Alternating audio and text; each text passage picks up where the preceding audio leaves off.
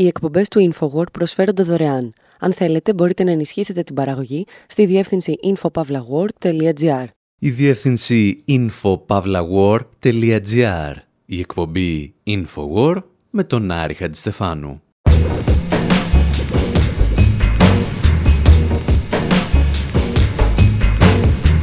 Όπου σήμερα συζητάμε για έναν σεφ που ήθελε να σκοτώσει έναν εγκληματία πολέμου, αλλά τελικά ο σεφ αυτοκτόνησε και ο εγκληματίας μακροημέρευσε.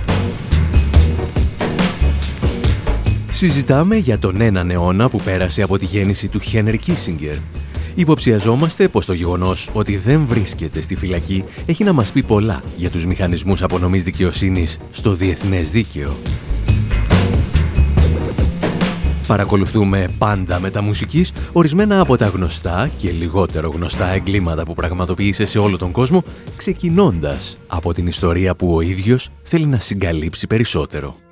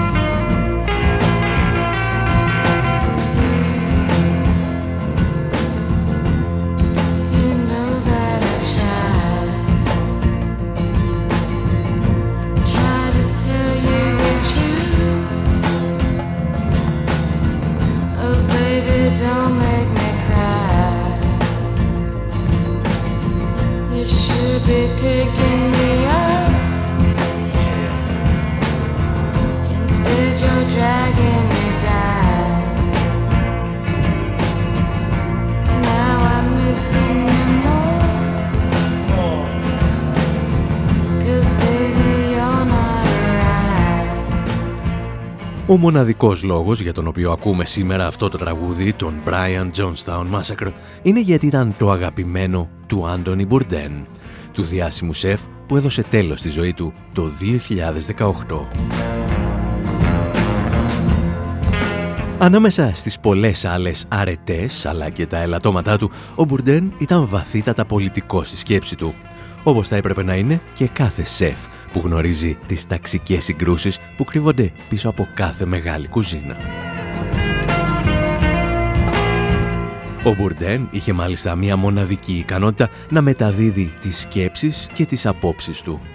Όπως το έκανε στη σύντομη εμφάνισή του στην ταινία «Το Μεγάλο Σορτάρισμα». Εκεί που εξηγεί τι είναι τα CDO ή Collateralized Debt Obligations ή εγγυημένες δανειακές υποχρεώσεις. Okay, I'm a chef on a Sunday afternoon setting the menu at a big restaurant. I ordered my fish on Friday, which is the mortgage bond that Michael very shorted. But some of the fresh fish doesn't sell. Περισσότερο όμως και από τα μυστικά του χρηματοπιστωτικού κεφαλαίου, ο Μπουρτέν μπορούσε να εξηγεί όσα βίωναν οι απλοί άνθρωποι στις χώρες που επισκεπτόταν για τις εκπομπές μαγειρικής του. Και όταν ταξίδεψε στην Καμπότζη, έγραψε ένα σχόλιο για το ρόλο των Ηνωμένων Πολιτειών και συγκεκριμένα του μάγου της Αμερικανικής διπλωματίας Χένρι Κίσιγκερ. Τα εξηγούσε προημερών το podcast Intercepted. Another person who spent a lot of time in Cambodia going over the legacy of this conflict was Anthony Bourdain. Uh, Ένας ακόμη από τους ανθρώπους που πέρασαν αρκετό καιρό στην Καμπότζη και παρακολούθησαν τις συνέπειες του πολέμου ήταν και ο Άντωνι Μπουρντέν. Ο Μαγκαρίτη Σεφ έγραψε τα εξής στο βιβλίο του που κυκλοφόρησε το 2001. Από τη στιγμή που θα βρεθεί στην Καμπότζη, δεν θα σταματήσει ποτέ να θέλεις να σκοτώσεις τον Χένρι Κίσιγκερ, χτυπώντας τον με τα ίδια σου τα χέρια. Κάθε φορά που θα διαβάζεις σε μια εφημερίδα ότι αυτό το προδοτικό, επικίνδυνο και μοσταγέ σύχαμα βρέθηκε σε κάποιο γκαλά φορώντας το σμόκι του, θα σου έρχεται ανακάτεμα. Αν δεις από κοντά τα αποτελέσματα πολιτικής σου στην Καμπότζη, δεν θα καταλάβεις ποτέ γιατί δεν κάθεται στο εδόλιο της Χάγης δίπλα στο Μιλόσεβιτς. And you'll never understand why he's not sitting in the dock at The Hague next to Milosevic. Αυτό το προδοτικό, επικίνδυνο και αιμοσταγές σύχαμα που θα έλεγε και ο Μπουρντέν δεν μετανιώσε ποτέ για τα εγκλήματα πολέμου και τα εγκλήματα κατά της ανθρωπότητας που πραγματοποιήθηκαν με εντολές του. Παρ' όλα αυτά υπήρχε μία περίπτωση η οποία θα ήθελε να ξεχαστεί και αυτή ήταν η Αμερικανική εισβολή στην Καμπότζη. Ακούστε πώς αντέδρασε όταν του τη θύμισαν πριν από μερικές ημέρες.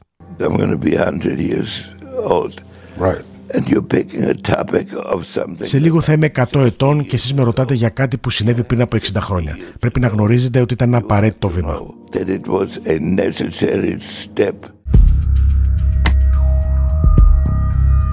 Σε ελεύθερη απόδοση δηλαδή, ο Κίζιγκερ είπε «Εγώ έχω γενέθλια και εσείς ασχολείστε με 150.000 αμάχους που σκότωσα πριν από περίπου 60 χρόνια». Για να καταλάβουμε όμως γιατί αυτό το καταμπουρντέν σύχαμα θεωρεί απαραίτητη την αιματοχυσία, πρέπει να θυμηθούμε ιστορίες που σας διηγηθήκαμε ύστερα από την αποστολή της εκπομπής στην Καμπότζη πριν από μερικά χρόνια.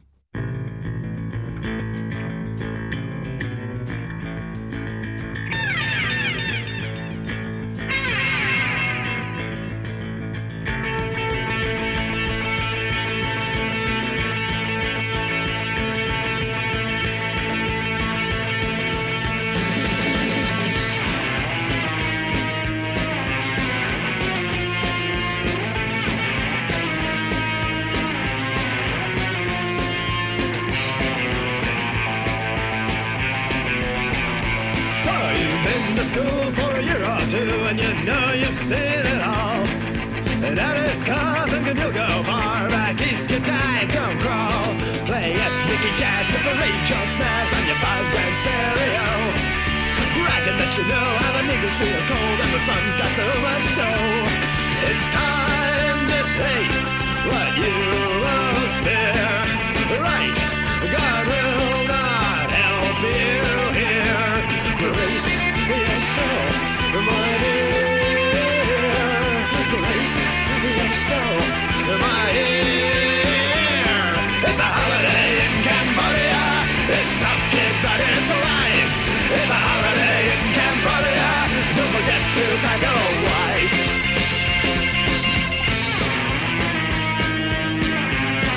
Έχουμε επιστρέψει στις αρχές του 1980 και η Dead Kennedys, ίσως το πιο πολιτικοποιημένο συγκρότημα της αμερικανικής punk σκηνής, παρουσιάζει το δεύτερο single του με τίτλο Holiday in Cambodia.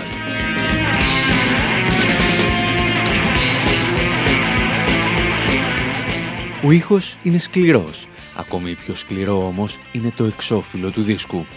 Η φωτογραφία δείχνει ένα μέλος ακροδεξιάς παραστρατιωτικής οργάνωσης της Ταϊλάνδης να χτυπά με μια σιδερένια καρέκλα το κρεμασμένο πτώμα ενός αριστερού φοιτητή. Στο Holiday in Cambodia πάντως, για να επιστρέψουμε στη δική μας ιστορία, οι Dead Kennedys τραγουδούν για το καθεστώς του Pol Pot. Περιγράφουν τις συνθήκες εργασίας σε στρατόπεδα συγκέντρωσης, όπου η δουλειά αμείβεται με ένα πιάτο ρύζι και τα κάνουν όλα αυτά ενώ παράλληλα ασκούν κριτική στις Ηνωμένες Πολιτείες. Και το ερώτημα που προκύπτει είναι δικαιούσε να συζητάς για έναν από τους πιο αιμοσταγείς ηγέτες του 20ου αιώνα και παράλληλα να αποδίδεις ευθύνες στην κυβέρνηση των Ηνωμένων Πολιτειών;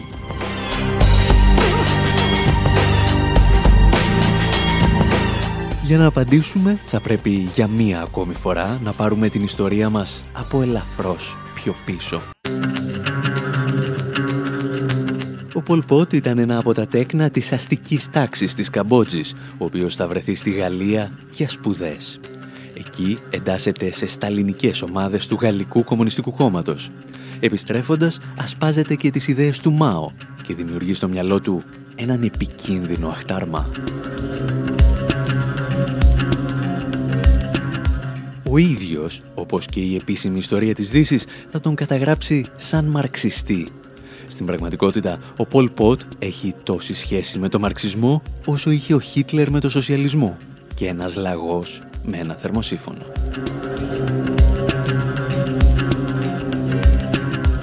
Όταν ο Μάρξ έλεγε ότι η Επανάσταση θα γίνει από την εργατική τάξη όταν επέλθει η ανάπτυξη των παραγωγικών δυνάμεων, ο Πολ Πότ καταλάβαινε ότι θα γίνει από αγράμματους αγρότες όταν καταστραφεί κάθε έννοια πολιτισμού.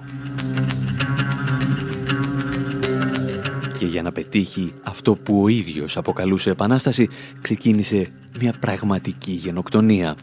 Φυλάκιζε, βασάνιζε και εκτελούσε όσους μιλούσαν ξένες γλώσσες, όσους είχαν πτυχία πανεπιστημίου, αλλά ακόμη και όσους φορούσαν γυαλιά. Σήμερα ο επισκέπτης της Πλόμπενχ μπορεί να επισκεφτεί το περίφημο κολαστήριο S21, το κτίριο όπου κρατούνταν και βασανίζονταν οι αντίπαλοι του καθεστώτος. Και αν έχει λίγο περισσότερο χρόνο, μπορεί να πάρει ένα ταξί και να βρεθεί στις περιοχές των εκτελέσεων, στα περίφημα Killing Fields. Εκεί όπου στρατιώτες του Πολ Πότ σκότωναν ακόμη και βρέφη, χτυπώντας τα κεφάλια τους σε δέντρα για να μην ξοδεύουν σφαίρες. Πώς φτάνει όμως ένας αιμοσταγής δικτάτορα στην εξουσία όταν γύρω του μένεται ο πόλεμος της Ενδοκίνας; Χρειάστηκε τη βοήθεια ενός κυρίου για τον οποίο θα τραγουδήσουν μερικά χρόνια αργότερα οι Monty Python.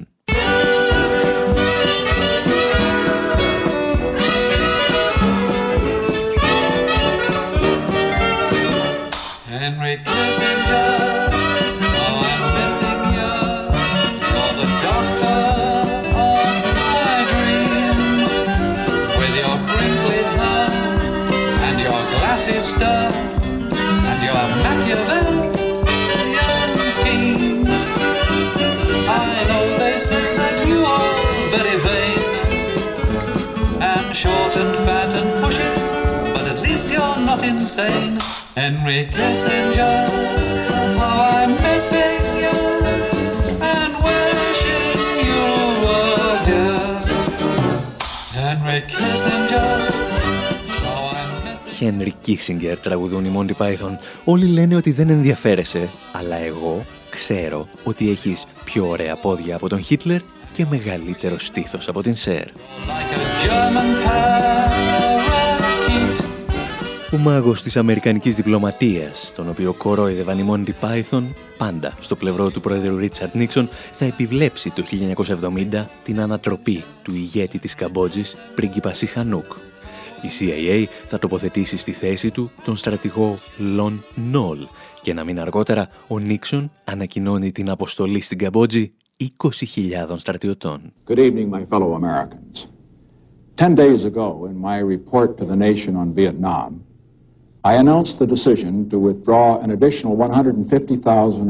ο Ρίτσαρντ Νίξον ανακοινώνει ότι προκειμένου να αποσύρει τα αμερικανικά στρατεύματα από το Βιετνάμ πρέπει πρώτα να εισβάλλει στην Καμπότζη.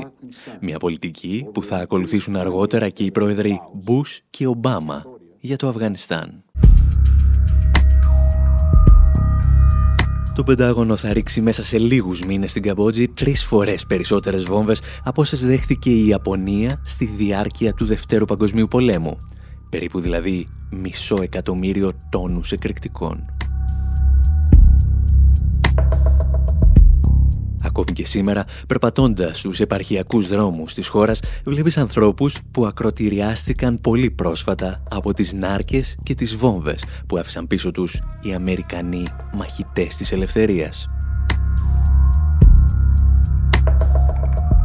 Οι βομβαρδισμοί διαλύουν ολοκληρωτικά την παραγωγή ρυζιού, αφήνοντας εκατομμύρια κατοίκους στα πρόθυρα του λοιμού. Χιλιάδες σκοτώνονται και εκατομμύρια μένουν άστεγοι Και σε αυτή την κατάσταση απόλυτου πανικού, οι δυνάμεις του Πολ Πότ που μάχονταν τότε την Αμερικανική εισβολή έρχονται στην εξουσία για να πραγματοποιήσουν μια γενοκτονία.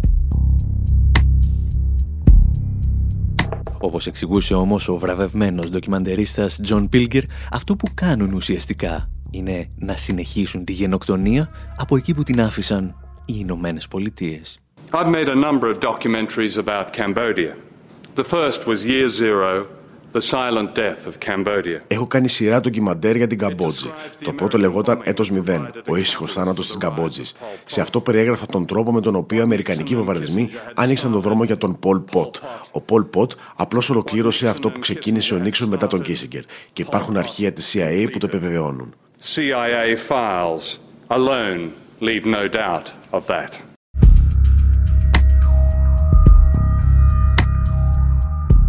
Καθώς συμπληρώνονταν 100 χρόνια από τη γέννηση του Χένρι Κίσιγκερ, η ιστοσελίδα The Intercept έφερε στο φως νέα στοιχεία για προσωπικές επιλογές του Κίσιγκερ που στήχησαν τη ζωή εκατοντάδων ακόμη αθώων ανθρώπων στην Καμπότζη. Ανθρώπων που μία ημέρα είδαν αμερικανικά βομβαρδιστικά να ισοπεδώνουν τα χωριά τους και να πολτοποιούν τα παιδιά τους, χωρίς ποτέ να καταλάβουν γιατί η χώρα τους δέχθηκε επίθεση από τον ισχυρότερο στρατό του πλανήτη. Επειδή όμως την ίδια απορία έχουν και μερικές ακόμη εκατοντάδες εκατομμύρια άνθρωποι σε όλο τον κόσμο, εσείς μένετε εδώ. Και εμείς, ύστερα από ένα μικρό διάλειμμα, συνεχίζουμε με μουσικές ιστορίες για τον μάγο της Αμερικανικής διπλωματίας.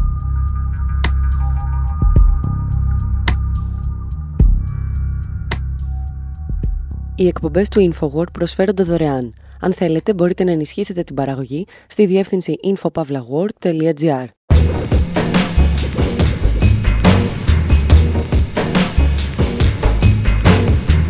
Εκπομπή InfoWord, μέρος δεύτερο. Όπου γιορτάζουμε ή θρηνούμε για τα εκατοστά γενέθλια ενός εγκληματία πολέμου, του Χένρι Κίσιγκερ. Είδαμε το ρόλο που έπαιξε στο θάνατο εκατοντάδων χιλιάδων αμάχων στην Καμπότζη και συνεχίζουμε με μερικές ακόμη παρεμβάσεις γενοκτονικού τύπου σε άλλες περιοχές του πλανήτη. Θα αφήσουμε στην άκρη το ρόλο του στο πραξικόπημα του Πινοσέτ στη Χιλή, για το οποίο έχουμε μιλήσει δεκάδες φορές σε αυτή την εκπομπή και θα εστιάσουμε σε δύο λιγότερο γνωστές ιστορίες. Το ρόλο του στην Ουρουγουάη και την Ινδονησία.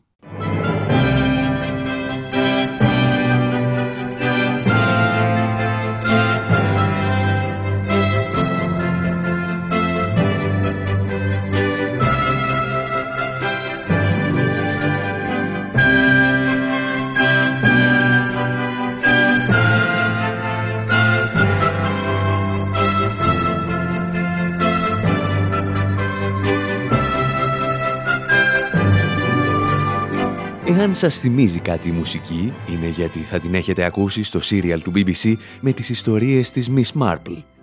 Η ηρωίδα της Αγκάθα Κρίστη που πρωταγωνιστούσε σε 12 από τα βιβλία αστυνομικού μυστηρίου. Μια φαινομενικά καλοκάγαθη γιαγιά που πάντα απέδιδε δικαιοσύνη μιλώντας κάπως έτσι. And then quite unexpectedly, Letitia died. And Charlotte knew that Letitia had quite a large sum of money to inherit. Αυτό που ελάχιστοι γνωρίζουν είναι ότι η Miss Marple ήταν στην πραγματικότητα ο εγκέφαλος μιας επαναστατικής οργάνωσης στη Νότια Αμερική.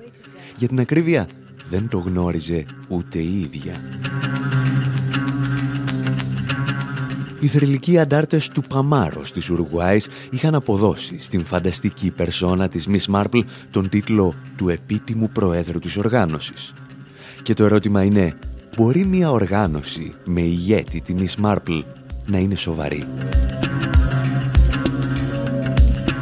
Η Τουπαμάρος είναι η οργάνωση στο όνομα της οποίας πίνει νερό κάθε ομάδα που αυτό αποκαλείται Αντάρτικο Πόλεων. Είναι η οργάνωση για την οποία σε κάθε επέτειο του Πολυτεχνείου ακούγεται και το σύνθημα Χοτσιμίνγκ του Παμάρος Βιετκόγκ. Πόσο καλά γνωρίζουμε όμως τους του Παμάρος και κυρίως ποιοι δικαιούνται να τους πιάνουν στο στόμα τους. Εάν δεν έχετε κάτι καλύτερο να κάνετε, θα σας παρακαλέσουμε να μας ακολουθήσετε μέχρι την Ουρουγουάη, γιατί έχουμε μια ιστορία να σας πούμε.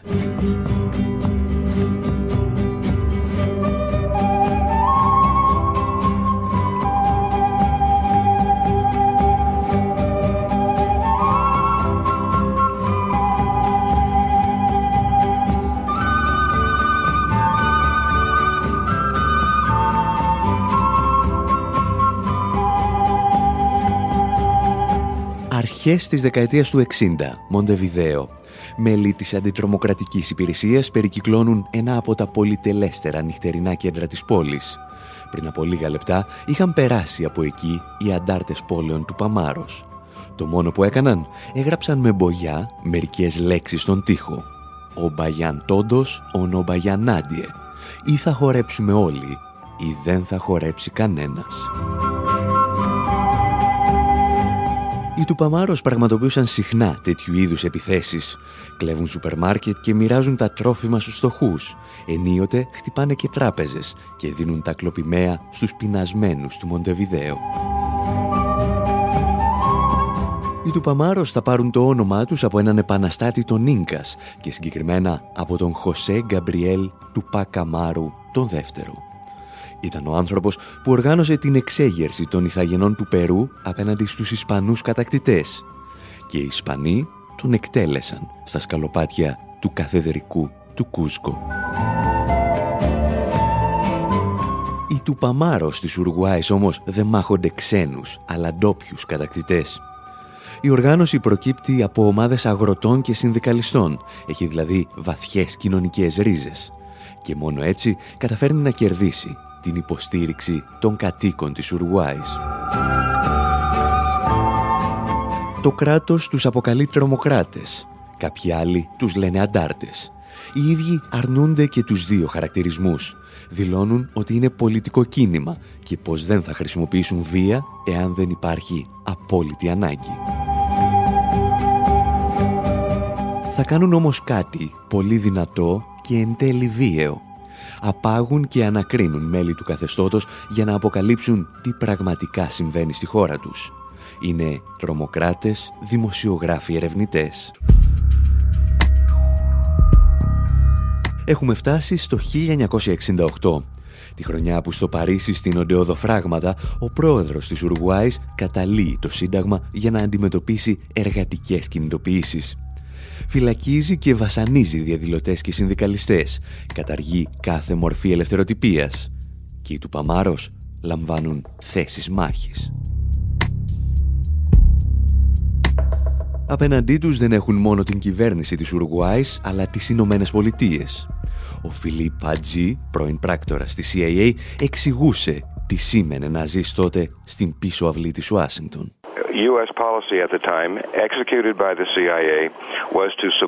Η αμερικανική πολιτική την οποία εκτελούσε η CIA ήταν να στερίζουμε δολοφονικές κυβερνήσεις σε όλο τον κόσμο. Στο Βιετνάμ, την Ελλάδα, τη Χιλή, την Αργεντινή, την Ουρουγουάη, τη Βραζιλία και σε πολλές άλλες χώρες. Πρόκειται για καθεστώτα τα οποία βασάριζαν και εξαφάνιζαν χιλιάδες ανθρώπους. Αμερικανικές υπηρεσίες εκπαιδεύουν το στρατό και την αστυνομία της Ουρουγουάης για να πραγματοποιεί φρικτά βασανιστήρια. Οι του Παμάρος από την πλευρά τους απαντούν με τα περίφημα «Καρσέλ del Pueblo», τις λαϊκές φυλακές. Απάγουν επιχειρηματίες, στελέχη της κυβέρνησης ή των αρχών ασφαλείας και τα ανακρίνουν. Σε αντίθεση με τους αντιπάλους τους δεν καταφεύγουν ποτέ σε βασανιστήρια. Τα αποτελέσματα των ανακρίσεων δημοσιοποιούνται και ύστερα οι κρατούμενοι αφήνονται ελεύθεροι. Συνήθως, όχι πάντα.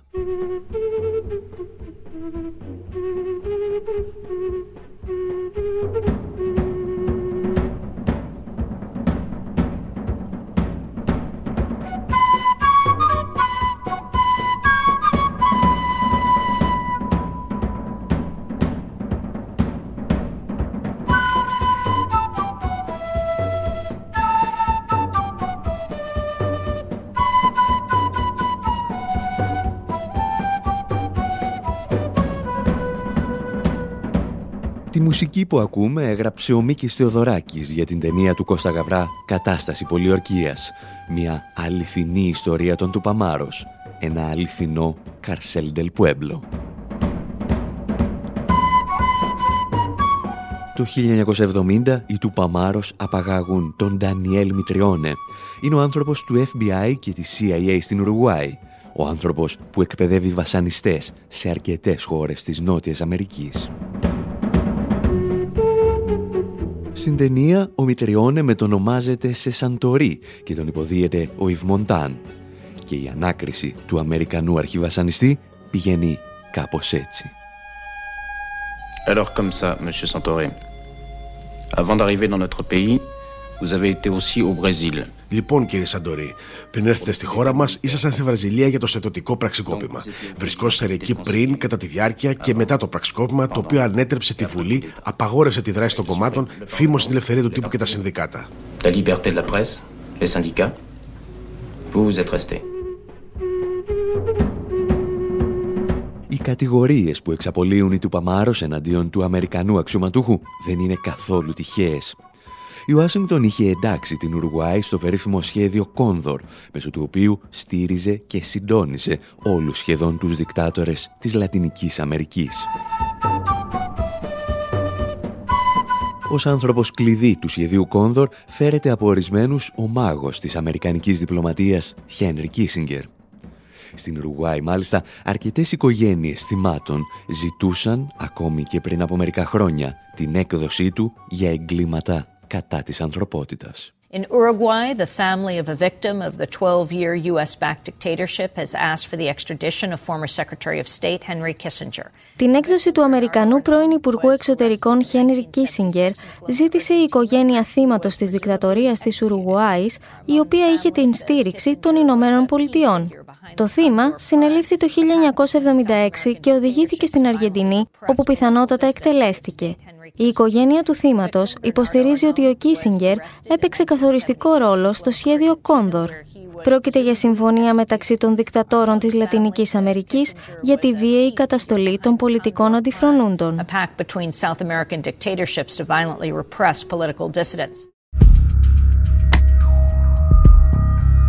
Η περίπτωση της Ουρουγουάης είναι απλώς μια μικρή ψηφίδα στον ανίποτο πόνο που προκάλεσε ο Κίσιγκερ στη Λατινική Αμερική, οργανώνοντας διαρκώς νέα πραξικοπήματα και στείνοντας τους μηχανισμούς διακυβέρνησης για ορισμένους από τους πιο αιμοσταγείς δικτάτορες της περιοχής.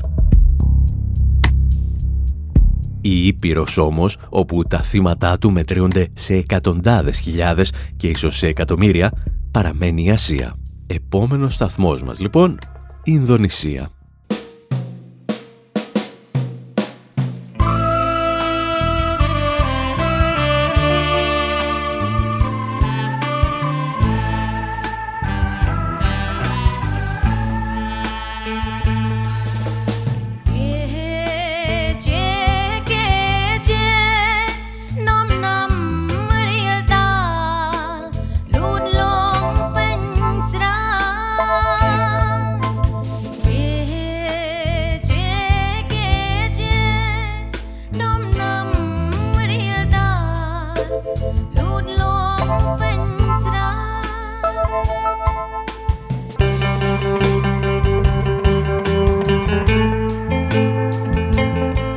Συγκρότημα που ακούτε λέγεται Deng Fever, δηλαδή δάγκιος πυρετός και τραγουδά για ένα φυτό που όσο και αν ψάξαμε δεν βρήκαμε πώς λέγεται στα ελληνικά.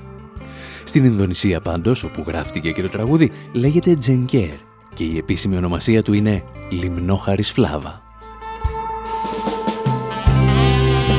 Αυτό που εμάς ενδιαφέρει σε αυτή την εκπομπή είναι ότι το τραγούδι αποτέλεσε άτυπο ύμνο του Κομμουνιστικού Κόμματος Ινδονησίας μέχρι τη στιγμή που ο δικτάτορας Σουχάρτο άρχισε τη δική του γενοκτονία. Newly declassified documents reveal diplomats at the U.S. Embassy in Jakarta, Indonesia, knew about Ντοκουμέντα που δόθηκαν πρόσφατα στη δημοσιότητα αποκαλύπτουν ότι οι διπλωμάτες της πρεσβείας των ΗΠΑ στην Τζακάρτα γνώριζαν και υποστήριζαν την εκστρατεία μαζικής εξόντωσης που εξαπέλυσε η κυβέρνηση της Ινδονησίας στη δεκαετία του 60. Η μαζική εξόντωση είχε ως αποτέλεσμα το θάνατο εκατοντάδων χιλιάδων πολιτών, ενώ κάποιες εκτιμήσεις μιλούν για πάνω από ένα εκατομμύριο. Από το 1965, οι στρατιωτικές και παραστρατιωτικές δυνάμεις της Ινδονησίας σκότωναν κομμουνιστές και αντιφρονούντες αφού ανέτρεψαν τη δημοκρατικά εκλεγμένη κυβέρνηση at the time of the mass killings. Το Democracy Now! που ακούσατε είχε την καλύτερα διατυπωμένη είδηση, γιατί τα υπόλοιπα μέσα ενημέρωσης στις Ηνωμένες Πολιτείες προσπαθούσαν να μας πείσουν ότι η χώρα τους δεν είχε εμπλοκή, αλλά απλώς γνώση της γενοκτονίας.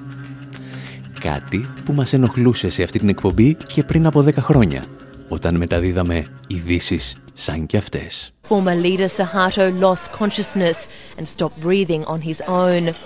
On Sunday morning, he fell into a coma. 27 Ιανουαρίου 2008.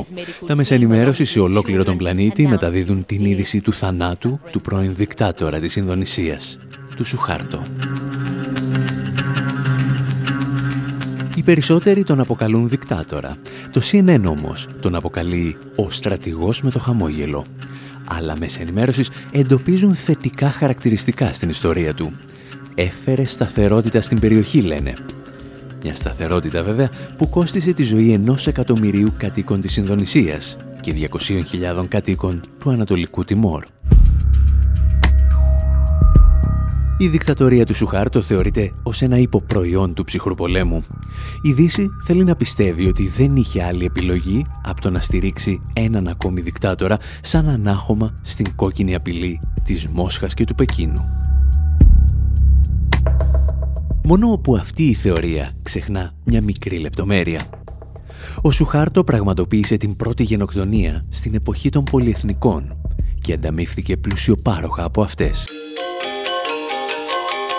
Τα εξηγούσε όμως πολύ καλύτερα ο βετεράνος δημοσιογράφος John Pilger στο ντοκιμαντέρ του Death of a Nation. Ο θάνατος ενός έθνους.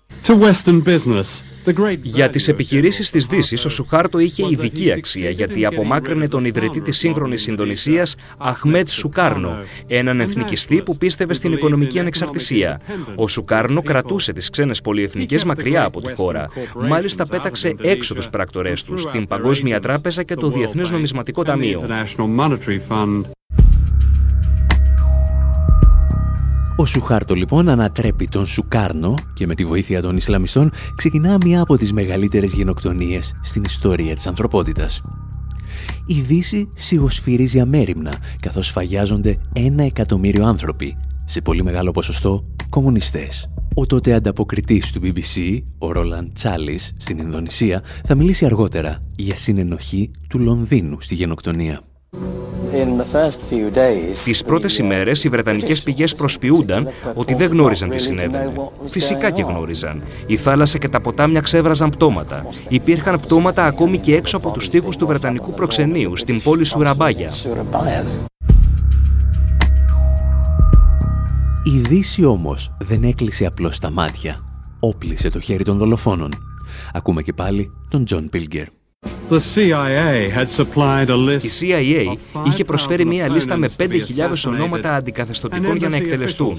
Τα στελέχη της Αμερικανικής Πρεσβείας έσβηναν με μία γραμμή κάθε όνομα που δολοφονούνταν. Και όταν ο Σουχάρτο σκότωσε ένα εκατομμύριο αντιφρονούντες, ήταν έτοιμος να ανοίξει τις πόρτες του σε πολυεθνικές επιχειρήσεις. Σε εταιρείες όπως η American Express, η General Motors, η Siemens και άλλες. Ένα χρόνο μετά το λουτρό αίματος, η οικονομία της Ινδονησίας σχεδιάστηκε από το μηδέν. Στις Ηνωμένες Πολιτείες. η Δύση απέκτησε πρόσβαση σε τεράστια αποθέματα πρώτων υλών, νέες αγορές και φθηνό εργατικό δυναμικό. Αυτό που ο πρόεδρος Νίξον αποκαλούσε το μεγαλύτερο τρόπεο στην Ασία. Για να μοιράσουν αυτό το τρόπεο, οι πλουσιότεροι επιχειρηματίες του πλανήτη πραγματοποιούν μια ιστορική συνάντηση στην Ελβετία. In 1967, Το 1967 η εταιρεία Time Life χρηματοδότησε μια διάσκεψη στην Ελβετία στην οποία καθορίστηκε η επιχειρηματική εξαγορά της Ινδονησίας. Συμμετείχαν οι ισχυρότεροι επιχειρηματίες του πλανήτη. Άνθρωποι όπως ο David Rockefeller, εταιρείες όπως η General Motors, η ICI, η British American Tobacco, η American Express και η Siemens. Απέναντί τους κάθονταν πολιτικοί από την Ινδονησία, τους οποίους είχε εγκρίνει ο Σουχάρτο. Across the table were Indonesian leaders approved by General Suharto. Η προσφορά του Σουχάρτο προς τη Δύση όμως δεν έχει ολοκληρωθεί ακόμη.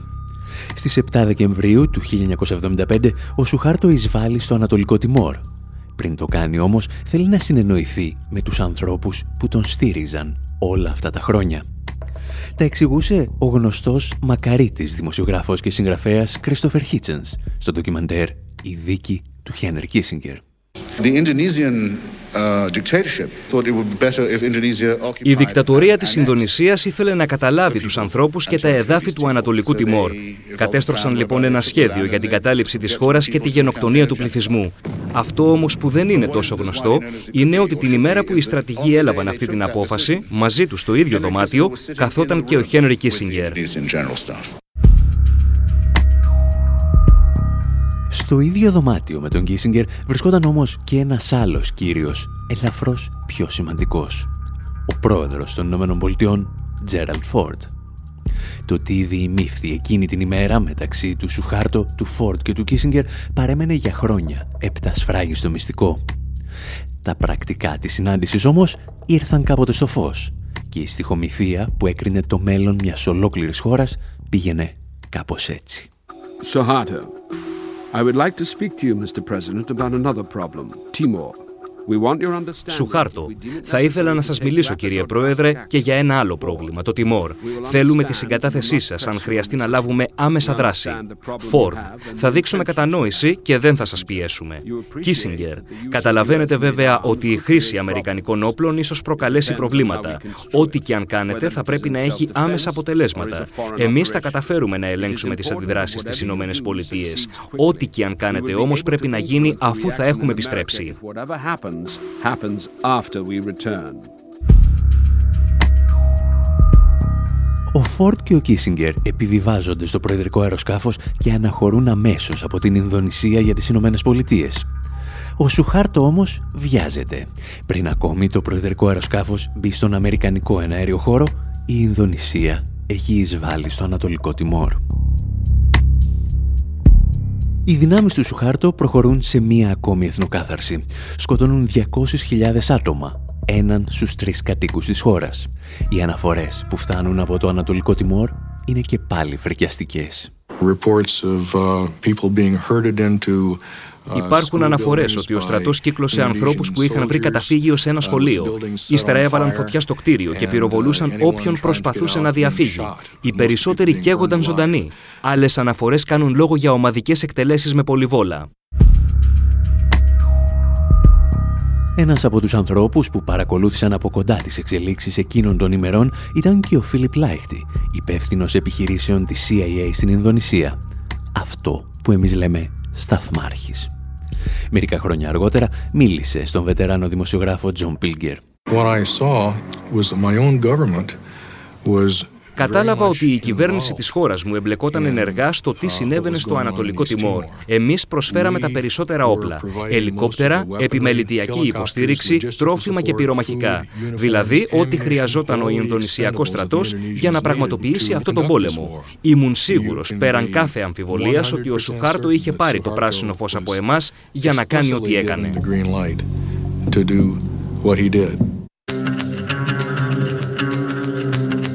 Κάπου εδώ όμως εμείς θα σας αφήσουμε και για αυτή την εβδομάδα.